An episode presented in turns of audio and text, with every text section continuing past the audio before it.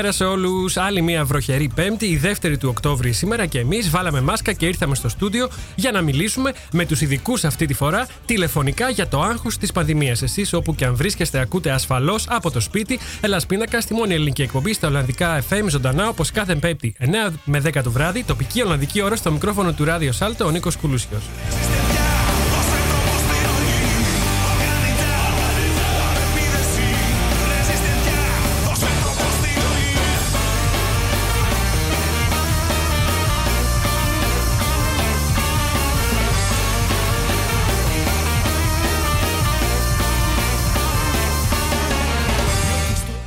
Εκπέμπουμε ζωντανά από το δημοτικό σταθμό του Άμστερνταμ. Θα μας βρείτε στο Radio Salto 106,8 των FM και καλωδιακά στο κανάλι 103,3 μόνο στην περιοχή του Άμστερνταμ. Ενώ διαδικτυακά μας ακούτε παντού στον κόσμο από το ελάσπιντακά.com και σε αναμετάδοση από το agapigreekradio.com.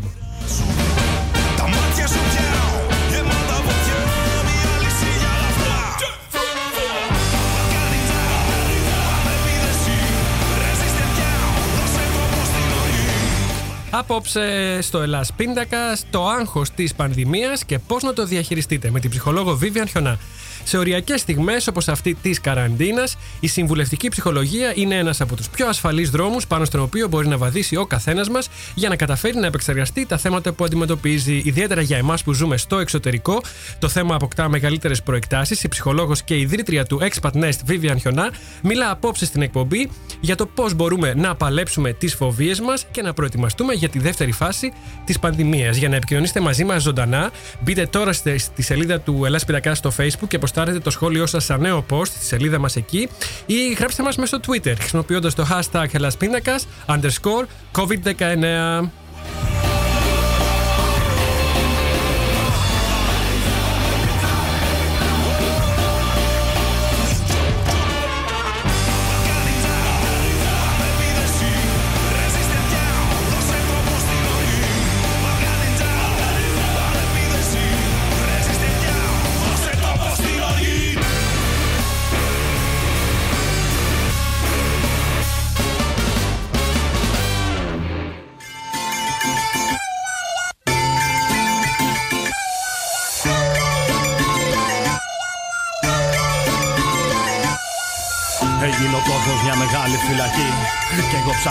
Ψάχνω έναν τρόπο τα δεσμά να σπάσω.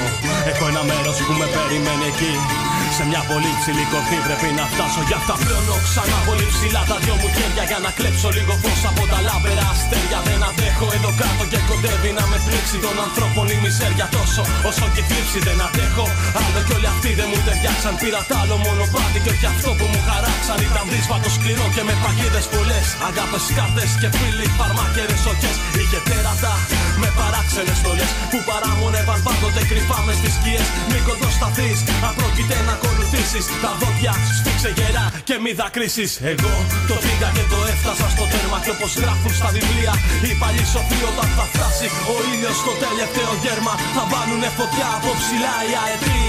Για σου με πρόδωσαν με πίσω μαχαιριές. Θέλω να ξέρουν ότι σιγάνι κάψου. Και για αυτές τις αγάπες τις παλιές θέλω να ξέρουν ότι σιγάνι κάψου. Κι όσοι μ' απειλήσαν με πυρηνάδες μα θέλω να ξέρουν ότι σιγάνι φοβηθώ Να έρθουνε να με βρουν στην κορυφή ψηλά τους περιμένω και σιγάνι φοβηθώ Μου είπα να μην κάνω όνειρα τρελά να μην τολμήσω να κοιτάξω τα αστέρια Μα εγώ ποτέ μου δεν τους πήρα σοβαρά Πήρα τον κόσμο ολοκληρώ στα δυο μου χέρια. Θέλουνε τώρα να μου φτιάξουν μια φοριά Που έχει πάνω τη στο φόβο την ασχήμια Και ένα κλάμα. Γοερό και μια λυσίδα βαριά. Κουβαλάει την κατάρα των θεών και την πλασφήμια Δεν θα δακρύσω μα δεν και θα φοβηθώ. Δεν θα αφήσω να μου κλέψουν τα όνειρά μου ελευθερά ψηλά. Πολύ ψηλά πετώ Κι όλοι ζηλεύουν τα περήφανα κι με τα φτερά μου. Και περιμένω κι άλλα αδέρφια για να βγουν. Σ' αυτή την κορυφή που όλους περιμένει αρκεί Να μην δακρύσουν και να μην φοβηθούν Σ' αυτή την έξυπνη απάτη. Την καλωστημένη. Για σους με πρόδωσαν με πίσω μαχαιριές Θέλω να ξέρουν ότι Σιγάνι κάψου Και για αυτές τις αγάπες τις παλιές Θέλω να ξέρουν ότι Σιγάνι κάψου Κι όσοι μ' απειλήσαν με πυρηνάδες Μα θέλω να ξέρουν ότι Σιγάνι φοβηθώ Να έρθουνε να με βρουν στην κορυφή ψηλά τους περιμένω και Σιγάνι φοβηθώ Για σους με πρόδωσαν Let's start always hi from Amsterdam. Let's start as always hi from Amsterdam to all our friends over at agapigreekradio.com.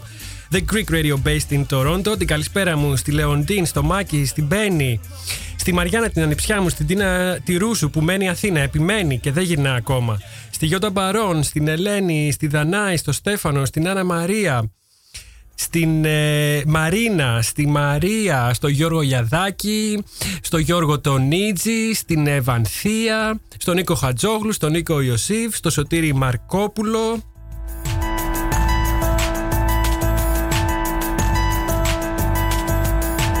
Και φυσικά την καλησπέρα μου στον Νίκο Δούλο, το φίλο και καλό συνεργάτη.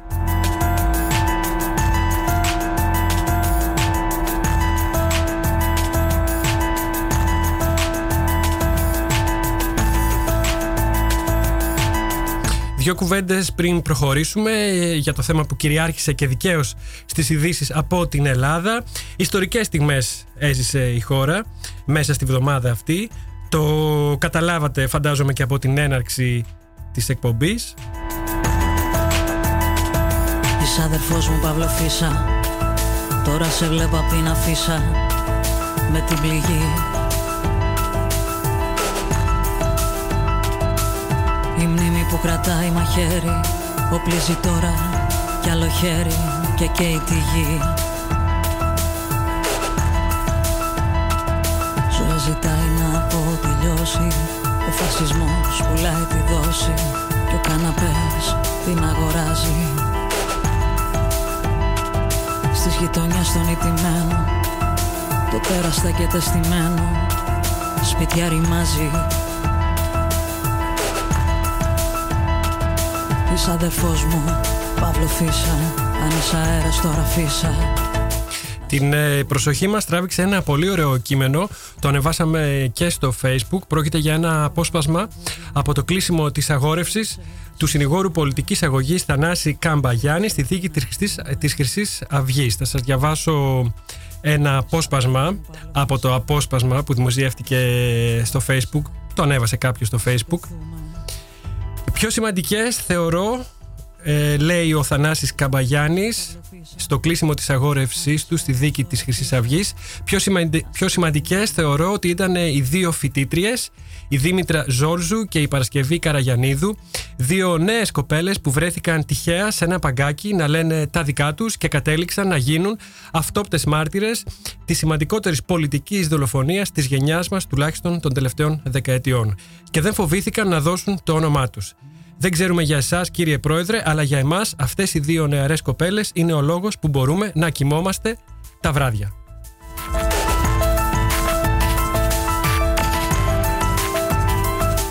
Και συνεχίζει, γιατί εκείνη την άγρια νύχτα δεν έδρασε μόνο ο κόσμος των λύκων, γιατί αγέλη λύκων ήταν αυτοί που χύμιξαν πάνω στον Παύλο Φίσα, αλλά έδρασε, αναδύθηκε και ο κόσμος των μελισσών. Ο κόσμος της αλληλεγγύης, της ανθρωπιάς, ο κόσμος που βλέπει κάτω πεσμένο έναν άνθρωπο και δεν λέει «Να, ένας ξένος», αλλά λέει «Να, ο αδελφός μου».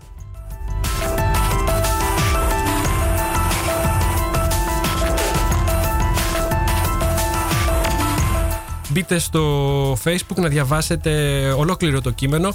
Αν κάτι θέλω να προσθέσω για να κάνουμε και το πέρασμα στο θέμα της απόψινής εκπομπής είναι ότι η απόδοση δικαιοσύνης είναι και αυτό, μια, δίνει και αυτό μια αίσθηση κανονικότητας.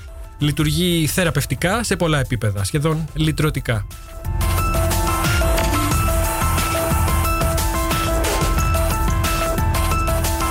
Μνήμη που κρατάει μαχαίρι Οπλίζει τώρα κι άλλο χέρι Και καίει τη γη Ζωή ζητάει να αποτελειώσει. Ο φασισμός πουλάει τη δόση. Και ο καναπές την αγοράζει.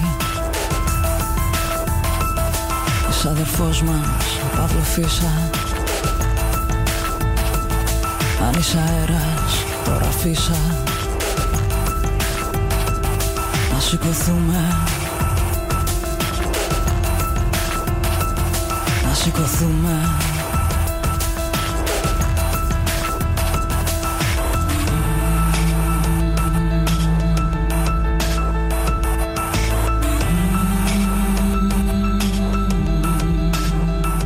Συμφωνώ, Vivian, μας γράφει η Vivian ε, στο facebook.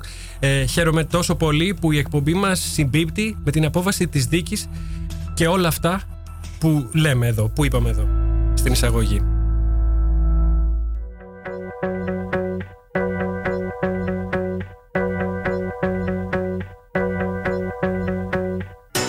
Κομμάτι που ακούσαμε προηγουμένως ήταν γραμμένο για τον Παύλο Φίσα από τον Σταμάτη Κραουνάκη.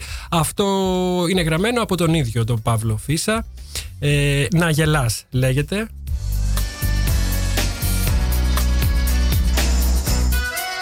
Σε αυτές τις μέρες δες Είναι ένα κυκλοφόρητο κομμάτι, μπορεί να μην το έχετε ακούσει. Και ανορθόδοξες μοιάζουν με λυπηχάρες Μοιάζει με μια κιθάρα που έχει σπασμένες χόρδες Κι είναι πολλές βρεμούλες.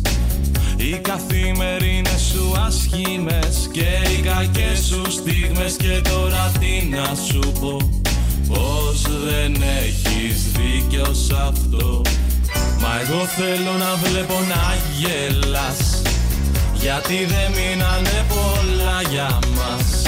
Ορμόμενος και από το σχόλιο της ε, Vivian θα ήθελα να πω ότι θεραπευτικά επίσης λειτουργεί, λειτουργήσε και κάτι άλλο. Το ότι μια μεγάλη μερίδα του κόσμου η πλειοψηφία θα ήθελα να πιστεύω ε, ή θα έλπιζα ενώθηκε με μία φωνή έστω και διαδικτυακά και είπε φτάνει πια αρκετά με τις ε, εγκληματικές οργανώσεις που το παίζουν πολιτικά κόμματα. Σε αυτόν τον κόσμο δες που έχουν φορτώσει με χιλιάδες προβλήματα Και με ενόχες μοιάζουν οι λέξεις κραυγές. Μοιάζουν τα όνειρα με επαναλήψεις που παίζουν του χθες και εσύ συνέχεια να λες Βέβαια, αφού κρίθηκαν και από το δικαστήριο ένοχοι πια οι αρχηγοί της χρυσής αυγής, αυτό που μένει είναι να κοιτάξουμε στα μάτια το τέρας που φωλιάζει μέσα μας. Με τα λόγια του Μάνου Χατζηδάκη. Εγώ θέλω να βλέπω να γελάς Γιατί δεν μείνανε πολλά για μας Και αν όχι μέσα μας τότε τουλάχιστον στον αμέσως διπλανό μας, στο γείτονα, στο συγγενή, στο φίλο, στον κολλητό. Γελάς Μα εγώ θέλω να βλέπω να γελάς. Έχουν αλλάξει οι καιροί με μιας. Το αντίδοτο όμως της αναπόδιας Είναι συνέχεια να γελάς. Λοιπόν, ο χρόνος είναι αμήλικτος, όπως και τα γεγονότα φυσικά. Αλλά στο θέμα μας τώρα, ε, τη Vivian Χιονά την γνωρίζετε, το Expat Nest το γνωρίζετε επίσης, έχετε συμμετάσχει σε δράσεις του όσοι ζείτε στην Ολλανδία, είμαι σίγουρος. Το ότι η πανδημία καλά κρετεί το ξέρετε επίσης πάρα πολύ καλά και όπως φαίνεται δεν πρόκειται να ξεμπερδεύουμε πολύ σύντομα. Πάμε λοιπόν να ακούσουμε την απόψινή μας καλεσμένη. Έχει πολλά να μας πει και για τη δική της εμπειρία μέσα στην καραντίνα και για το πώς μπορούμε να διαχειριστούμε το άγχος που δημιουργεί αυτή η δύσκολη συνθήκη. Θα ακούσουμε τρία αποσπα- ε, αποσπάσματα από τη συνομιλία που ηχογραφήσαμε με τη Vivian Χιονά. Πολύ θα θέλαμε να την έχουμε και στο στούντιο. Θα γίνει και αυτό. Προς το παρόν θα αρκεστούμε στο ότι η ασφάλεια προέχει. Vivian Χιονά, Expat Nest στο Ελλάς Πίνακας. Μέρος πρώτο. Γεια σου Vivian, να ξεκινήσουμε από τα βασικά. Πες μου πού σε βρίσκω αυτή τη στιγμή και πώς σε βρίσκω. Θέλω να πω από υγεία. Ναι. Ε, καλά με βρίσκεις. Η αλήθεια με όλα αυτά που έχουμε περάσει, Νίκο, καταρχάς χαίρομαι τόσο πολύ που σου ξαναμιλάω και που ξαναείμαι εδώ στην εκπομπή σου και να χαιρετήσω και τους ακροατές μας. Πραγματικά όταν επέστρεψε το Χελά στην Δεκάτη, νιώθα μια αίσθηση κανονικότητας ξανά. Και το ξέρω όλα καλά. Η αλήθεια είναι ότι στην πρώτη φάση της πανδημίας, όταν έγινε τέλος πάντων το μπαμ στην Ευρώπη, προφανώς και εγώ ανησύχησα αρκετά με όλα αυτά που γίνανε. Και η αλήθεια είναι δεν κατάλαβα, Νίκο, πώς περάσανε ε, οι εβδομάδες προ, της πρώτης φάσης. Γιατί δούλευα πάρα πολύ. Επειδή με ρώτησες πώς πώς πέρασα αυτό το διάστημα. Ναι. Έγινε πραγματικά ένας χαμός από θέμα παραπομπών. Υπήρχε πολλοί κόσμος που είχε ανάγκη ψυχολογικής υποστήριξης. Και μπορώ να σου πω ότι δούλευα τόσο πολύ που πραγματικά δεν καταλάβαινα. Ήμουν όλη μέρα μέσα, δούλευα, ξεκουραζόμουν μετά για να μπορώ να έχω δυνάμει για την επόμενη μέρα. Αυτό σου έκανε καλό κατά μία έννοια. Ναι, είχες και με την δουλειά. έννοια ότι βοηθούσα κόσμο, για μένα αυτό είναι το πολύ σημαντικό. Αλλά η αλήθεια είναι ότι κουράστηκα πάρα πολύ μες στην καραντίνα, γιατί δούλευα σε βαθμούς που δεν είχα ξαναδουλέψει ποτέ στη ζωή μου τόσο εντατικά. Αλλά ως επαγγελματίας υγείας ήξερα ότι αυτό είναι το καθήκον μου, αυτό έπρεπε να κάνω. Και επίσης σκεφτόμουν ότι η ψυχολογική προσαρμογή σε καταστάσεις σοκ χρειάζεται περίπου 4 με 5 εβδομάδες. Οπότε ήξερα ότι αυτό το πρώτο σοκ θα κρατήσει για περίπου αυτό το διάστημα και κρατούσα δυνάμεις και βοηθούσα όσο μπορώ ο κόσμος αυτό το διάστημα. Και επίσης, σαν expat κάναμε και πολλές δράσεις. Δηλαδή, κάναμε πολλά δωρεάν group call ομαδικά για να βοηθήσουμε όσο παραπάνω κόσμο μπορούσαμε σε όλες τις γλώσσες. Δηλαδή και στα αγγλικά, στα ελληνικά, στα κινέζικα, στα αραβικά, στα ισπανικά, ιταλικά. Κάναμε δηλαδή συντονισμένη προσπάθεια να βοηθήσουμε. Πού μπορεί να σας βρει κάποιος ε, σε κάποια ανάλογη περίπτωση αν κάνετε τέτοια ωραία πράγματα και θέλει να συμμετέχει, πώς μπορεί να σας βρει; Ναι, μπορεί να το δει στο site του Expatnet, expatnet.com ή και στα social media του Expatnet, στο facebook, ε, στη σελίδα του Expatnet ανακοινώνουμε πάντα τα νέα μας ή και στο LinkedIn, όποιος θέλει μπορούμε να γίνουμε connected. Λοιπόν, να συνδεθούμε. Ωραία. Ωραία. Μου είπες, μου εκμυστηρεύτηκε ότι είχες και μια ε, ιδιαίτερη κατάσταση να διαχειριστείς, μια προσωπική εμπειρία δική σου, σε σχέση με μια προπάρχουσα μάλλον κατάσταση. Θες να μας μιλήσεις λίγο γι' αυτό, γιατί αν καταλαβαίνω είσαι σε καραντίνα διαρκείας. Προτιμούσες να μην έρθεις στο στούντιο, γι' αυτό και ηχογραφούμε την ε, συνέντευξη αυτή.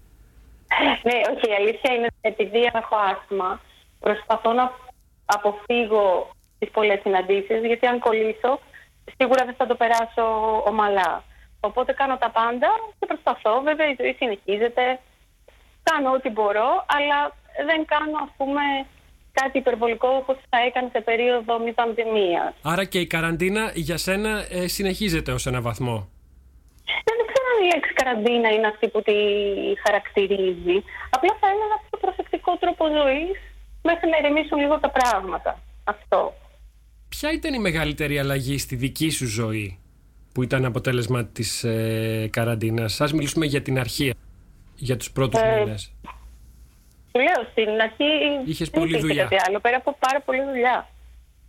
Οπότε δεν, δεν μπορούσε να γίνει, ξέρεις, αφουγκραζόμουν τον παλμό αυτόν που γινόταν έξω, αλλά δούλευα τόσο πολύ που δεν είχα ε, το περιθώριο, ας πούμε, να, να το δω διαφορετικά. Οπότε επειδή εγώ δούλευα πάντα και ως online counselor, δεν μου άλλαξε ας πούμε, το ρυθμό ότι θα έπρεπε να σταματήσω να δουλεύω ή ότι θα έπρεπε να αλλάξω περιβάλλον σε κάτι. Οπότε από αυτή την άποψη δεν μου άλλαξε τις συνθήκες όπως σε πάρα πολύ κόσμο. Θα έπρεπε να περνάνε πολύ περισσότερο χρόνο μέσα στο σπίτι ή υπήρχαν μεγάλα προβλήματα στη δουλειά τους ή ας πούμε ξαφνικά θα έπρεπε να είναι 24 ώρες 24 ώρες με την οικογένειά τους που αυτό μπορεί να έφερε και παραπάνω πίεση σε κάποιες περιπτώσεις ή είχαμε πολλά ερωτήματα για οικογένειες και εφήβους και την καραντίνα και όλα αυτά. Α το γενικεύσουμε τότε λίγο. Τι συνιστούν οι ειδικοί όταν η καθημερινότητα του ανθρώπου αλλάζει τόσο ξαφνικά και ραγδαία; Μίλησες πριν για μια κατάσταση σοκ που διαρκεί, είπες, ε, τρεις με τέσσερις εβδομάδες. Ποιοι είναι οι γενικοί κανόνες, και μετά θα πάμε και στα επιμέρους. Ναι, πρώτα απ' όλα ότι σε αυτό το διάστημα των 4-5 εβδομάδων που οι περισσότεροι θα το έχουμε περάσει με την έννοια ότι έχει γίνει αυτή η πρώτη ψυχολογική προσαρμογή. Βέβαια τώρα βλέπω αυτό το διάστημα ότι πολλοί κόσμος αρχίζει και πιέζεται ξανά ε, ότι έρχεται χειμώνας, ότι θα κλειστούμε πάλι μέσα, ότι δεν θα μπορούμε να έχουμε τον ίδιο τρόπο ζωής όπως είχαμε πριν.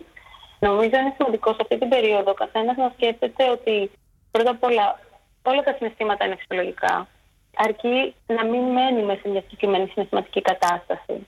Δηλαδή να θυμόμαστε ότι αυτό αλλάζει, ότι θα περάσει.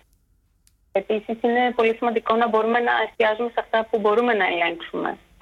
Ε, γιατί ζούμε σε μια κατάσταση που είναι πρωτόγνωρη για όλους μας. Είναι και κοινή εμπειρία για όλους μας.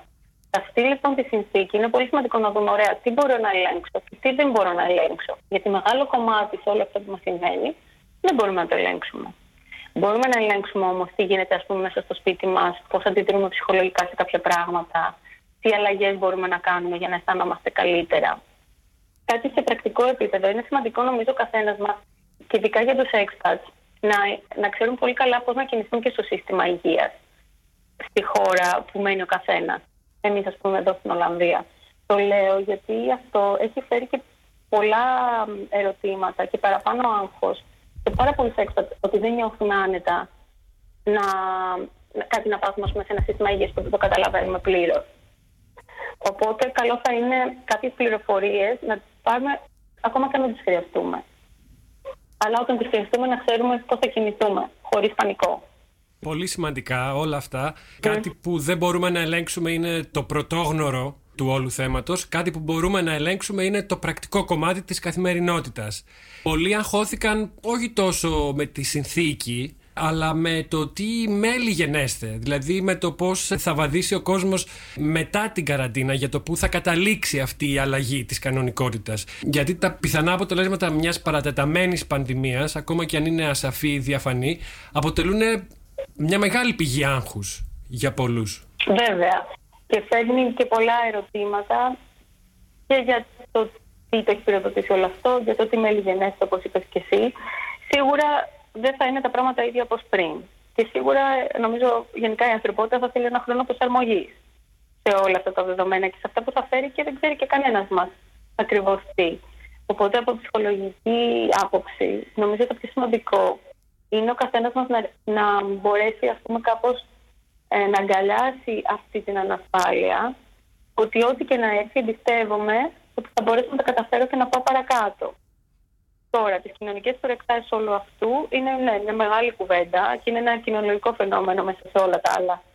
Η, η πανδημία αυτή που βιώνουμε, σίγουρα. Αλλά μετά είναι και σημαντικό για ο καθένας να δει τι αλλαγές φέρνει και στο δικό του προσωπικό επίπεδο και πώς μπορεί να ανταποκριθεί όσο το δυνατόν καλύτερα μέσα σε όλο αυτό. Για έναν ε, expat ελληνικής καταγωγής που ζει εδώ στην Ολλανδία για παράδειγμα πόσο πιο δύσκολο ήταν να εγκληματιστεί στη νέα κατάσταση όταν είχε δύο πραγματικότητες να αντιμετωπίσει. Μία στην Ολλανδία, εδώ που ζει, και μία αυτή που έβλεπε στο Skype, στην τηλεόραση, στις ειδήσεις στην Ελλάδα. Θέλω να πω, τα, τα δύο μοντέλα το intelligent lockdown και το σκληρό lockdown με απαγόρευση κυκλοφορίας έχουν μεγάλη απόσταση. Βέβαια, βέβαια. Και είναι πολύ καλό αυτό το σημείο που θέτεις, γιατί ένα από τα τύπου που εγώ έδινα καθ' όλη τη διάρκεια αυτής της δύσκολης περίοδου ήταν τουλάχιστον να διαβάζετε τα νέα, αν μπορείτε πιο περιορισμένα, π.χ. τρεις φορές τη μέρα. Γιατί ένα expat έχει διπλά νέα. Δηλαδή, διαβάζει και τη χώρα που μένει τώρα και της Ελλάδας πίσω. Οπότε είναι συσσωρευμένο το άγχος σε κάποιες περιπτώσεις και επίσης τη διαφορετική πραγματικότητα που βιώνει. Ε, να σου πω, ας πούμε, για το Μάρτιο-Απρίλη, ε, μέσα από τα free calls που κάνουμε με πάρα πολύ κόσμο και πάρα πολλούς Έλληνες, γιατί μια από τις δράσεις μας ήταν στα ελληνικά, μπορώ να σου πω ότι οι περισσότεροι Έλληνες που εμείς μιλήσαμε ήταν αρκετά ήρεμοι με το ότι η Ελλάδα πήγαινε καλά και ήταν ασφαλής οι οικογένειέ τους πίσω στην Ελλάδα. Αυτό βοήθησε πολύ. Βέβαια, έφερε και debate που είναι καλύτερα, σε ποια χώρα θέλει ο καθένας να είναι. Νομίζω ότι αυτό που βίωσε ο κάθε έξπατ τώρα είναι πρωτόγνωρο. Ε, για δύο λόγους. Ε, μάλιστα έγραψα και ένα άρθρο γι' αυτό πρόσφατα. Ο πρώτος είναι ότι όταν εμείς αποφασίσαμε να γίνουμε expat, δεν είχαμε αποφασίσει μέσα σε όλο αυτό. Δεν ήταν κομμάτι του συμβολέου, ας πούμε, ότι δεν θα έχουμε την ελευθερία να μπαίνουμε σε ένα αεροπλάνο και να πετάμε όποτε θέλουμε. Και αυτό πίεσε πάρα πολύ τη δική μας κοινότητα γενικότερα. Γιατί τέθηκαν θέματα υγείας, δεν ήξερε ο καθένας που πρέπει να είναι, που είναι καλύτερο να είναι, δεν μπορούσε να πάει κάπου διαφορετικά. Και είναι, είναι τεράστια η πίεση που βιώνει η έξω κοινότητας αυτή τη στιγμή. Και Ελλήνων αλλά και άλλων εθνικότητων. Είναι παγκόσμιο το φαινόμενο. Και το δεύτερο που έφερε και μεγάλη πίεση, νομίζω, είναι αυτός ο όρος του social distancing, της κοινωνικής αποστασιοποίησης, η οποία θεωρώ ότι έκανε μεγάλο κακό, γιατί επί της ουσίας μιλάμε για μια φυσική απόσταση, αποστασιοποίηση. Αλλά όχι κοινωνική. Θεωρώ ότι αυτή τη στιγμή, περισσότερο από ποτέ είναι η στιγμή που χρειάζεται να νιώθουμε ενωμένοι ένας με τον άλλον.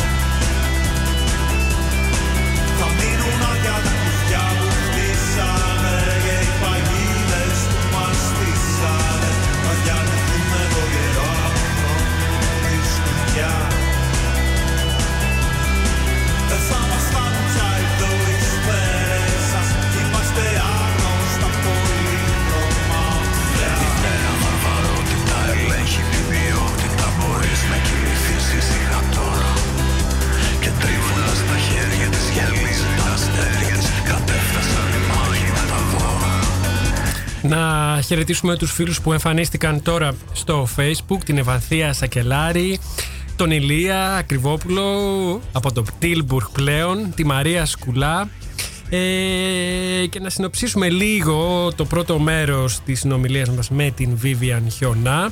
Η ψυχολογική προσαρμογή σε καταστάσεις σοκ χρειάζεται περίπου 4 με 5 εβδομάδες. Αυτό για την αρχή και για την όποια αρχή. Ε, επίσης ε, ακούσαμε ότι υπάρχουν πράγματα που μπορούμε να ελέγξουμε και άλλα που δεν μπορούμε να ελέγξουμε. Να εστιάζουμε στα πρώτα, στα, ε, σε αυτά που μπορούμε να ελέγξουμε, τι γίνεται μέσα στο σπίτι μας, πώς οργανώνουμε την καθημερινότητά μας, πώς αντιδρούμε σε κάποια ε, θέματα τι αλλαγές μπορούμε να κάνουμε για να αισθανόμαστε καλύτερα και επίσης ε, να μην μένουμε κολλημένοι σε μία συναισθηματική κατάσταση. Να υπενθυμίζουμε στον εαυτό μας πως αυτό αλλάζει, πως θα περάσει, δεν είναι μια μόνιμη κατάσταση αυτό που μας συμβαίνει.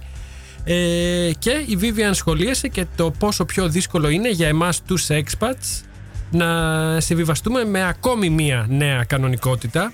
Το ζει διπλά ένας που ζει στο εξωτερικό όλο αυτό.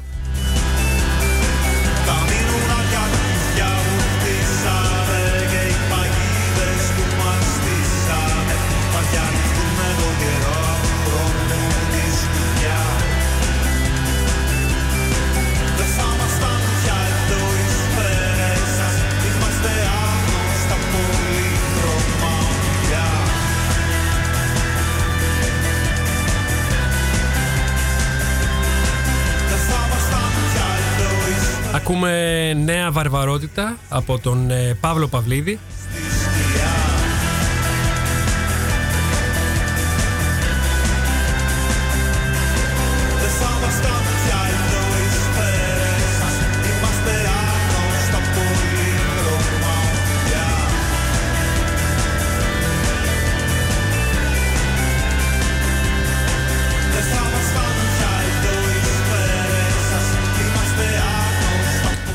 πάμε σιγά σιγά να ακούσουμε το δεύτερο μέρος της συνομιλίας που ηχογραφήσαμε με τη Vivian Χιονά, την ψυχολόγο από το Expat Nest.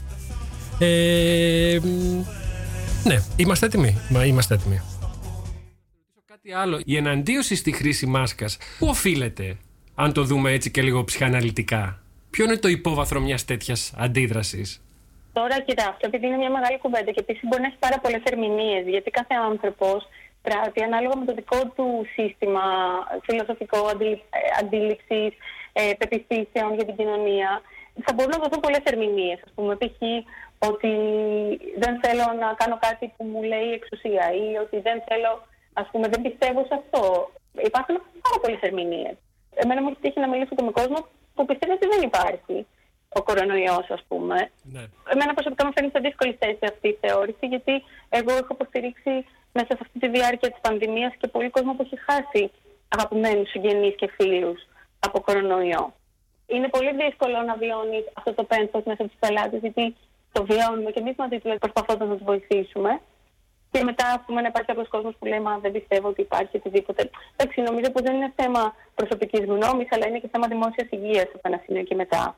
Ο καθένας φυσικά πράττει όπως νομίζει, αλλά είναι και ένα θέμα δημόσιας υγείας. Υπήρξαν συγκεχημένες πληροφορίες, ας πούμε, για τη μάσκα. Μας είπαν στην αρχή ότι ε, δεν είναι απαραίτητη, μετά μας είπαν ότι είναι απολύτως απαραίτητη. Εδώ στην Ολλανδία, ενώ λένε ότι πρέπει να φοράμε στα καφέ και στα μπαρ και στα εστιατόρια που βλέπω, δεν φοράει κανείς, ούτε καν οι σερβιτόροι.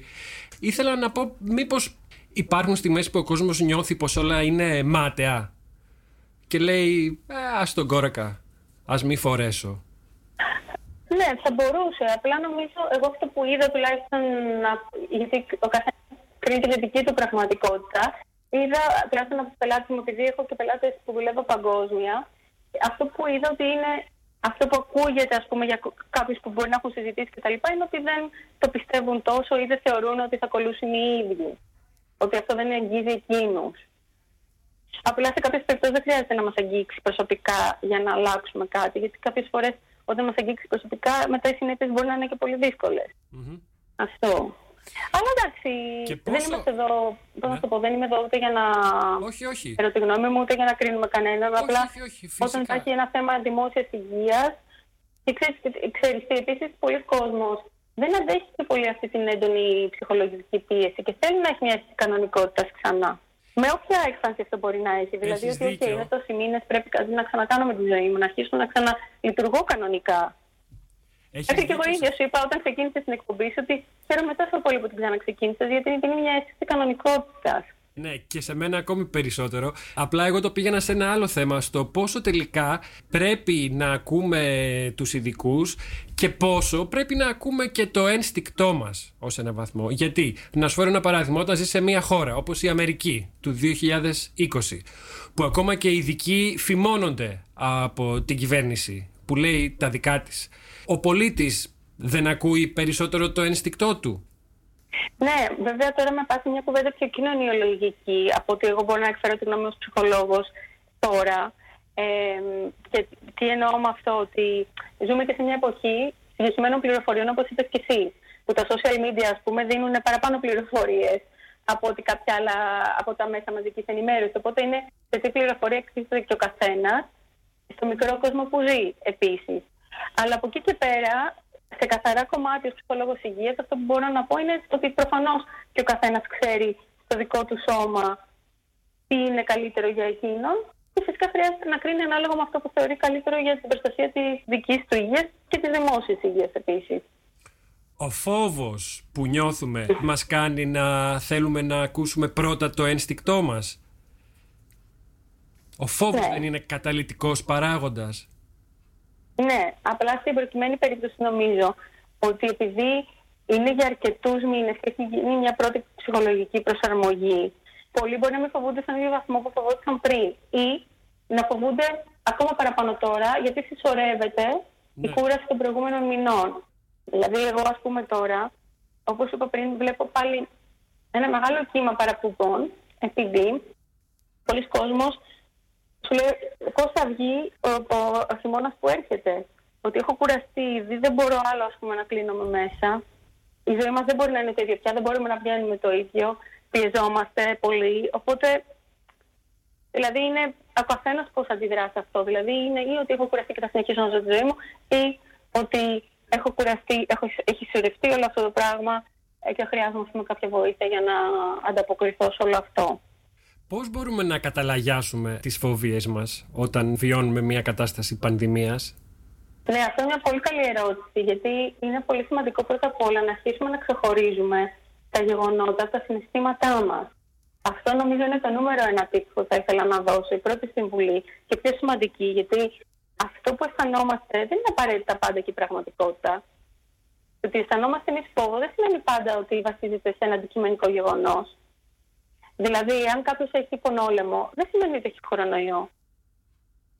Εκεί. Κατάλαβα. Είναι πολύ, λογι- πολύ φυσιολογικό μέσα σε μια κατάσταση να φοβηθείς ότι α, έχω κάτι σοβαρό και μετά παρασύρει το συνέστημα σε οποιοδήποτε λογικό κομμάτι μπορεί να σε κρατήσει και να είσαι πιο ήρεμος. Οπότε το νούμερο ένα τύπο είναι ξεχωρίζουμε τι είναι γεγονός και τι, τι είναι το συνέστημα. Μπορούμε δηλαδή να ρωτάμε τι είναι ακριβώς αυτό που συμβαίνει τώρα; Και μετά κάπως να αποστασιοποιούμαστε δηλαδή από αυτό το συνέστημα. Και φυσικά είναι, όλα τα συναισθήματα είναι φυσιολογικά και, μπο- και, και χρειάζεται και να τα βιώνουμε. Απλά το θέμα είναι μην μας παραλύει αυτός ο φόβος, δηλαδή μην, μην τερματώνουμε σε αυτό. Ε, γιατί είναι φυσιολογικό να φοβόμαστε. Πρώτα απ' όλα ο φόβος είναι και για να μας προστατεύει σε κάποιο βαθμό. Ότι χρειάζεται κάτι να κάνουμε για να είμαστε προστατευμένοι. Ε, επίσης μια άλλη παράμετρος που θα ήθελα να θέσω είναι η εξής. Ο κορονοϊός, όλη αυτή η πανδημία ξύπνησε και πολλά τραυματικά γεγονότα που έχει βιώσει ο καθένας από το παρελθόν. Όχι απαραίτητα με τον ίδιο ότι με κάτι παρόμοιο, αλλά μπορεί να ήταν άλλα θέματα υγείας ή άλλα θέματα δύσκολα που να έχει βιώσει στο παρελθόν. Και αυτό έχει ξυπνήσει πολύ έντονα μέσα στον κορονοϊό. Θα σε ρωτήσω, έχω κατηγοριοποιήσει Μμμ. τρεις ομάδες ανθρώπων. Η μία είναι άνθρωποι που έχασαν τη δουλειά τους, η άλλη είναι άνθρωποι που ζουν μόνοι τους και η τρίτη ομάδα είναι άτομα που πάσχουν ε, ε, από διαταραχές όπως διπολισμός. Νομίζω αυτό ακουμπάει στο θέμα που έδειξες εσύ. Ναι, νομίζω καλύτερα να τα κεντρικοποιήσουμε. Δηλαδή με την έννοια γιατί μπορούν να κεντρικοποιηθούν. Δηλαδή ένα βασικό κομμάτι σε όλο αυτό είναι και τα υπαρξιακά ερωτήματα που θέτει. Και αυτός, και αυτός ο φόβος ότι θα καταστραφούν τα πάντα, ας πούμε. Ένα μεγάλο κομμάτι π.χ. σε αυτό είναι να βλέπει ο καθένας ότι υπάρχει προοπτική. Ότι και αυτό θα περάσει. ότι πιστεύω με τον εαυτό μου ότι μπορώ να τα καταφέρω και να βγω από αυτό. Αυτό είναι πολύ σημαντικό κομμάτι της εμπιστοσύνης στον εαυτό ή της αναζήτησης βοήθειας όταν βλέπουμε ότι αντιμετωπίζουμε ένα πρόβλημα το οποίο πια δεν μπορούμε να ξεπεράσουμε μόνοι μας. Ε, αυτό είναι ένα πολύ βασικό κομμάτι. Και σε αυτό που με ρώτησες, θέλεις να το πάμε και πιο συγκεκριμένα, δηλαδή σε ποιο κομμάτι, για να καταλάβω ακριβώς. Να μιλήσουμε για αυτούς που ζουν μόνοι τους. Πέρασαν δύσκολα στην πρώτη φάση του εγκλισμού. Πώς αντέχεται η μοναξιά εν καιρό πανδημίας, Έκανες βέβαια αναφορές. Έκανα αναφορά πριν, ας πούμε, στο κομμάτι του ότι δεν είναι ανάγκη να υπάρχει και social distancing. Νομίζω τώρα περισσότερο από κάθε άλλη στιγμή είναι η στιγμή να μιλήσουμε ας πούμε, με φίλους μας online ή να κάνουμε κάποια πράγματα. Ας πούμε, πολλοί κόσμοι κάνει τώρα virtual dinners, τρώνε ας πούμε, κάθε Παρασκευή μαζί online ή μαγειρεύουν online, ή βλέπουν ταινίες μαζί online. Φυσικά είναι μια πιο δύσκολη πραγματικότητα. Είναι δύσκολο αυτό το κομμάτι. Ε, και πάρα πολλοί έξυπνοι πιέστηκαν πολύ έντονα αυτή την περίοδο που μπορεί να μην μπόρεσαν να πάνε πίσω στις χώρες τους αν το θέλανε ή να είναι ε, single expats, να μένουν μόνοι στο εξωτερικό. Εκεί, ε, εγώ αυτό που είδα στην εμπειρία μου ήταν ότι έγινε και ευκαιρία επαναπροσδιορισμού του πώς θέλω να ζω τη ζωή μου και τι χρειάζεται να αλλάξω. Δηλαδή, εγώ αυτό που είδα στην πανδημία ως τώρα είναι ότι έχει γίνει ευκαιρία για πάρα πολύ κόσμο να δει, ωραία, είναι η ζωή μου όπως τη θέλω τι χρειάζεται να αλλάξει για να είμαι πιο χαρούμενος με τη ζωή που έχω. Απαντάς σε αρκετά από τα επόμενα ερωτήματά μου με αυτό. Ήθελα να σε ρωτήσω mm. ποιο είναι το δίδαγμα που θα μπορούσαμε να πάρουμε από όλη αυτή την κατάσταση και αυτά είναι μια καλή απάντηση. Λοιπόν. Ε... Ναι. Για να πούμε στον κόσμο ότι δεν τις έχουμε προετοιμάσει τις ερωτήσεις, οπότε είναι αυθόρμητες. Και νομίζω αυτή είναι και η μορφιά των συνεντεύξεων μας, Νίκο. Ναι, ναι, βέβαια. Να σε ρωτήσω τώρα, είναι τελικά αυτή καθεαυτή η πανδημία που μας τρεσάρει, ας πούμε, ο φόβος του θανάτου, ή είναι περισσότερο οι συνέπειές της και η αβεβαιότητα και η αλλαγή της κανονικότητας. Τι πιστεύεις; Νομίζω είναι και τα δύο. Εξαρτάται με τι πραγματικότητα βιώνει και ο καθένας. Γιατί υπάρχει κόσμος που έχει νοσήσει και αυτός από κορονοϊό ή κάποιοι δικοί του άνθρωποι. Ε, και μπήκαν πολλές παραμέτρους. Δηλαδή, ας πούμε, ξέρω κόσμος που έχει ε, μπει σε μια κατάσταση, σε κατάσταση πολλών χρεών, δανείων κτλ. για θέματα υγείας που είχαν συγγενείς τους λόγω του κορονοϊού. Γιατί έχει πάρα πολλές παρενέργειες επίσης σε πάρα πολύ κόσμος με διαφορετικές εκφάνσεις.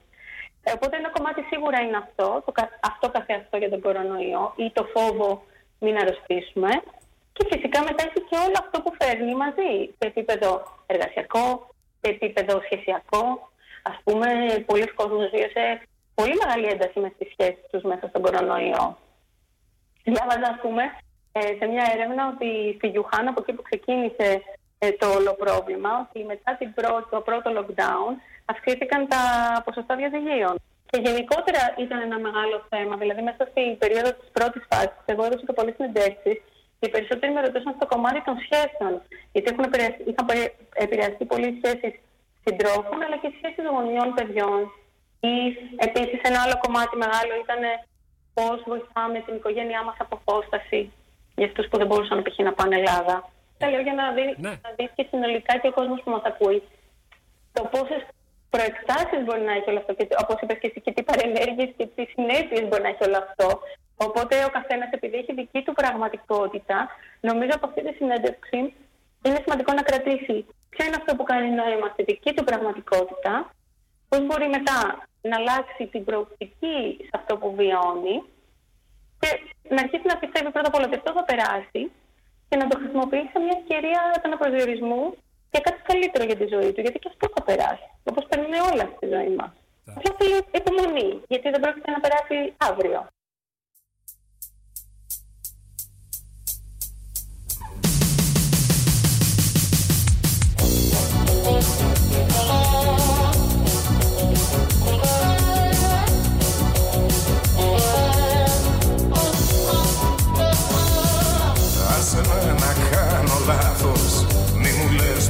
Τροπή Άσε με να βρω μονάχος Ποιο το τέλος, ποια η αρχή.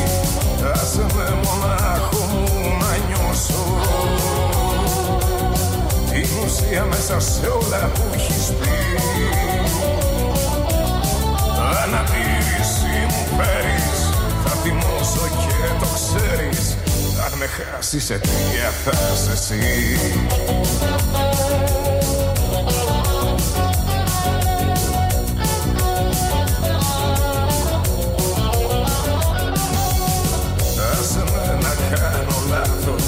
Άσε με να κουραστώ. Άσε με να έρθω μονάχος Και συγγνώμη να σου πω. Έχω πολύ καιρό να κοροϊδεύω. Κάθε λέξη, κάθε έννοια και σκοπό. Έχω όρεξη πολύ να αληθεύω. Κι ας μην ξέρω γιατί ψάχνω ή τι θα βρω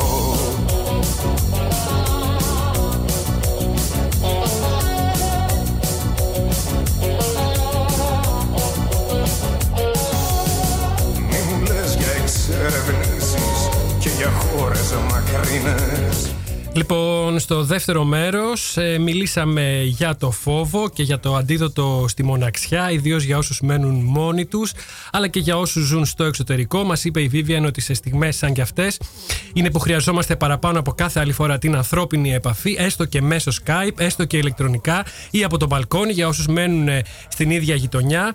Επίσης, η Vivian μίλησε για το πώς η πανδημία και η καραντίνα έδωσε σε πολλούς την ευκαιρία επαναπροσδιορισμού του πώς θέλουν να ζουν τη ζωή τους και, χρειάζεται, ε, και τι χρειάζεται να αλλάξουν. Είχαν το χρόνο να κάτσουν, να σκεφτούν, είπε η Vivian, είναι η ζωή τους όπως την θέλουν. Τι μπορεί να αλλάξει για να είναι πιο ευτυχισμένοι. Μιλάει δηλαδή για έναν εσωτερικό διάλογο η Vivian με ρέθισμα τον εγκλισμό στο σπίτι ή τον περιορισμό των μετακινήσεων και των εξόδων. Να σου σφυρίξω στο σκοτάδι ένα γνώριμο παλιό σκοπό. Άσε με να σου γεμίσω κάποιο βράδυ τα κενά με μουσική rock and roll που συμπαθώ. Άσε με να κάνω λάθος μην παριστάνεις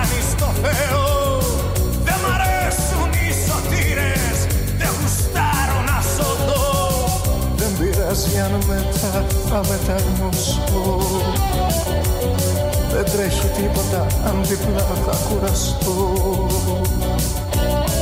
Δεν με νοιάζει απαγοήτευση αν νιώσω Αφού ξέρω πως έπαιξα κι εγώ. Πάμε τώρα να ακούσουμε Vivian Χιονά, Expat Nest στο Ελλάς Πίντακας, μέρος τρίτο και τελευταίο. Είναι μια οριακή στιγμή, εγώ αυτό καταλαβαίνω. Οριακές είναι και οι αντιδράσεις ε, του κόσμου. Όλο αυτό το διάστημα παρατήρησα δύο ακραίες αντιδράσεις. Από τη μία αυτούς που ε, έτριβαν το κάθε τι με αντισηπτικό 50 φορές και από την άλλη αυτούς που αψηφούσαν λίγο τα μέτρα. Είναι υγιής για σένα και θεμητές και οι δύο αυτές οι ακραίες αντιδράσεις; Όπως είπα και πριν, δεν, δεν, δεν θέλω να μπω σε αξιολόγηση της συμπεριφοράς του καθενός. Ο καθένας κάτι αυτό που θεωρεί καλύτερο για εκείνον. Okay. Α πούμε, εγώ που είμαι ένας άνθρωπος που έχω άσθμα, νομίζω πως είναι πιο πολύ η πρώτη κατηγορία με τα αντισηπτικά και αυτά που προσπαθούσα να προσέξω. Μπορεί να είναι λάθος για κάποιον άλλον ή υπερβολικό. Αλλά εμένα αυτό που με έκανε να νιώθω ασφάλεια. Είναι σημαντικό σε καταστάσεις τόσο ψυχοπληκτικές ο καθένας να κάνει αυτό που θεωρεί σωστό για τον εαυτό του και πιο ε, αυτό που το κάνει να νιώθει ασφάλεια. Γιατί ζούμε σε έναν κόσμο που δεν είναι τόσο ασφαλή πια. Δεν, δεν το νιώθουμε τόσο ασφαλή πια. Δεν ξέρουμε πού πάει όλο αυτό. Και χρειάζεται να μπορούμε να, ψυχολογικά να αντιμετωπίζουμε την ανασφάλεια. Οπότε με ό,τι τρόπο ο καθένας νιώθει ότι έχει έλεγχο πάνω σε μια κατάσταση που ως επιτοπλίστων δεν μπορεί να την ελέγξει, γιατί είναι πολύ μεγαλύτερο από εμάς όλο αυτό, ε, είναι σημαντικό. Ε, Όπως είπα και προηγουμένως στη συνέντευξη, το, το τι μπορούμε να ελέγξουμε και το τι δεν μπορούμε να ελέγξουμε, αν μπορούμε να το διαχωρίσουμε αυτό, είναι πολύ σημαντικό. Γιατί αν, γιατί αν κάνουμε focus σε αυτά που μπορούμε να ελέγξουμε, νιώθουμε καλύτερα με τον εαυτό μας. Νιώθουμε ότι είναι μια συνθήκη πιο διαχειρίσιμη. Ενώ αν κάνουμε focus και δώσουμε όλη μας, όλη μας την προσοχή σε αυτά που δεν μπορούμε να ελέγξουμε, εκεί νιώθουμε τον πανικό ότι είναι μια κατάσταση που δεν μπορούμε να αντιμετωπίσουμε. Εκεί ανεβαίνουν τα επίπεδα άγχους, θλίψης κτλ. Πες μας κάτι και για την αίσθηση του χρόνου. Αλλοιώνεται κάπως όταν ζούμε σε μια κατάσταση καραντίνας και εγκλισμού. Τι μπορούμε να κάνουμε για να κρατήσουμε έτσι ένα επίπεδο κανονικότητας; Σωστό, πολύ σωστό ερώτημα. Ε, γιατί όντως φαίνεται σαν κάθε μέρα να μοιάζει το ίδιο. Ε, ειδικά άμα κάποιος κάνει τηλεργασία και τα λοιπά, μετά δεν βγαίνει πολύ. Ε, πρώτα απ' όλα είναι σημαντικό να βρει τη νέα δομή σε αυτή την πραγματικότητα που βιώνει. Δηλαδή, αν κάνει τηλεργασία, να ξυπνάει το πρωί, να αλλάζει ρούχα, να έχει ένα συγκεκριμένο πρόγραμμα, συγκεκριμένη ίσως ώρα που τρώει. Και οι καθημερινές να είναι διαφορετικές από τα Σαββατοκύριακα. Ε, βασικά, έχουμε γράψει και ένα άρθρο σε αυτό το εξπατνέ κατά τη διάρκεια του, του πρώτου lockdown. Αν θες, μπορούμε να το βάλουμε και στο κοινό. Πώς μπορούμε το Σαββατοκύριακο εν μέσω της πανδημίας να είναι διαφορετικό από τις καθημερινές για να αισθανόμαστε ότι κάτι αλλάζει στη ρουτίνα και να μην είναι κάθε μέρα ακριβώς το ίδιο. Δηλαδή, ας πούμε, ότι το, το Σαββατοκύριακο μπορεί να μαγειρέψουμε κάτι που να πάρει παραπάνω ώρα, σαν να είχαμε, ας πούμε, μια γιορτή στο σπίτι ή να κάνουμε ένα virtual tour, να δούμε σε άλλες χώρες κάτι που να μας αρέσει, ένα μουσείο. Υπάρχουν πάρα πολλά online ε, γεγονότα που μπορούμε να δούμε, ε, πολλές εκδηλώσεις κτλ. Ή ας πούμε αν είναι να δούμε μια ταινία να το κάνουμε σαν τελετουργικό, να φτιάξουμε popcorn, να βάλουμε ίσως κάποια μουσική πριν.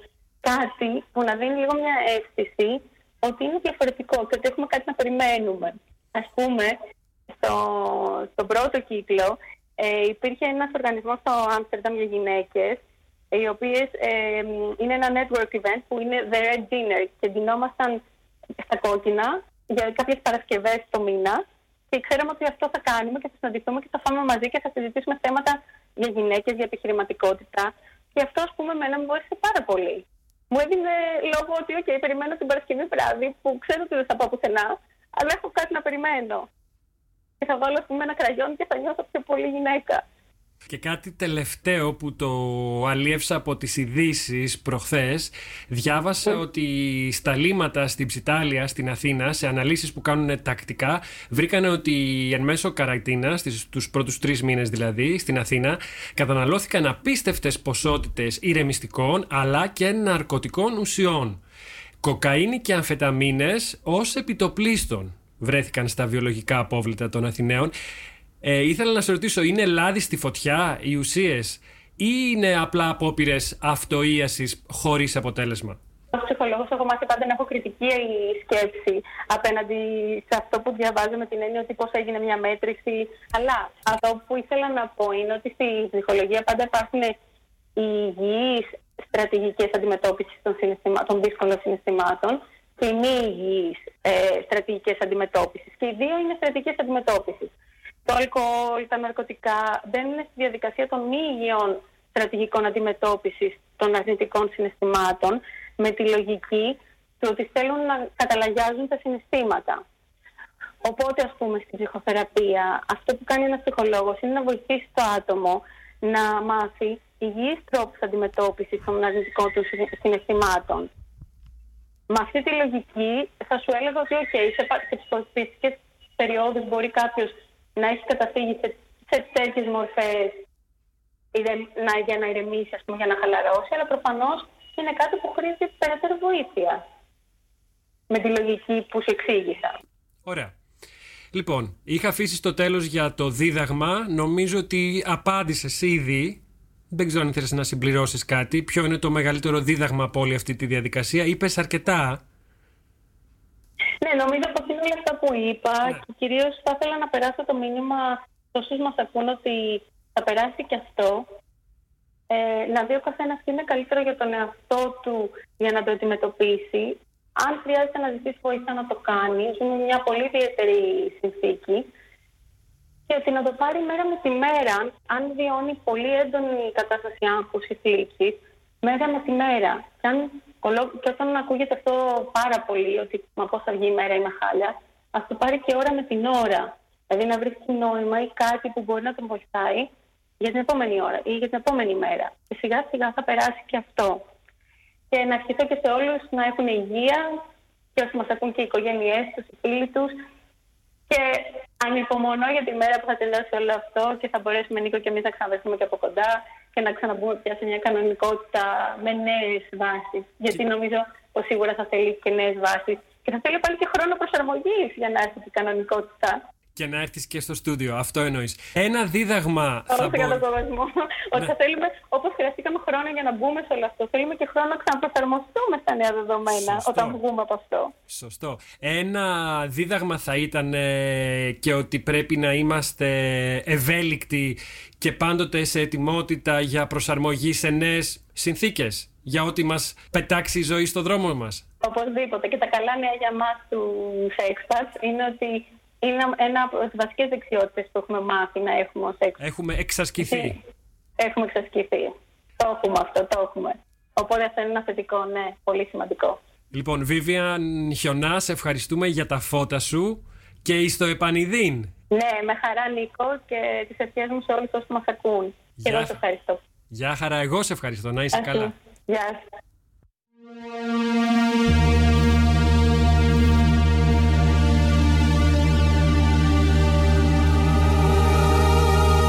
Λοιπόν, αυτό ήταν. Φτάσαμε στο τέλος. Μιλήσαμε φυσικά στο, ε, στο τρίτο αυτό μέρος για την αίσθηση του χρόνου. Η Vivian ε, μας συμβουλεύει να βρούμε τη νέα δομή στη νέα αυτή πραγματικότητα που βιώνουμε για να μην χάνουμε την αίσθηση του χρόνου. Μας συνιστά να βάλουμε ένα πρόγραμμα, να έχουμε ένα αριθμό στην κανονικότητά μας, στην καθημερινότητά μας και να κάνουμε τα Σαββατοκύριακά μας να είναι διαφορετικά από τις καθημερινές, να ξεχωρίζουν δηλαδή.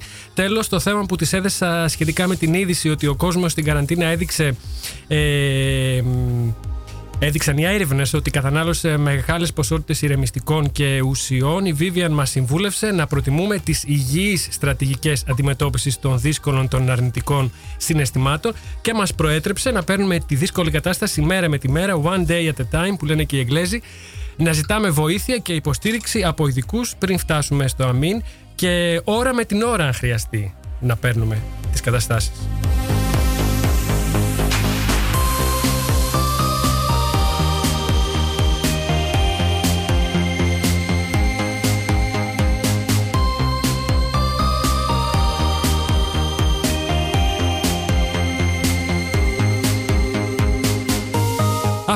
Αυτά για απόψε. Κλείνουμε με Μαρσό. Στο site του Expat, expatnest.com, θα βρείτε πολλές χρήσιμες πληροφορίες. Θα αναρτήσουμε και εμείς στο site μας όλα όσα συζητήσαμε στη συνέντευξη με την Vivian. Ακολουθεί η εκπομπή Finger Popping Soul εδώ στο Radio Salto. And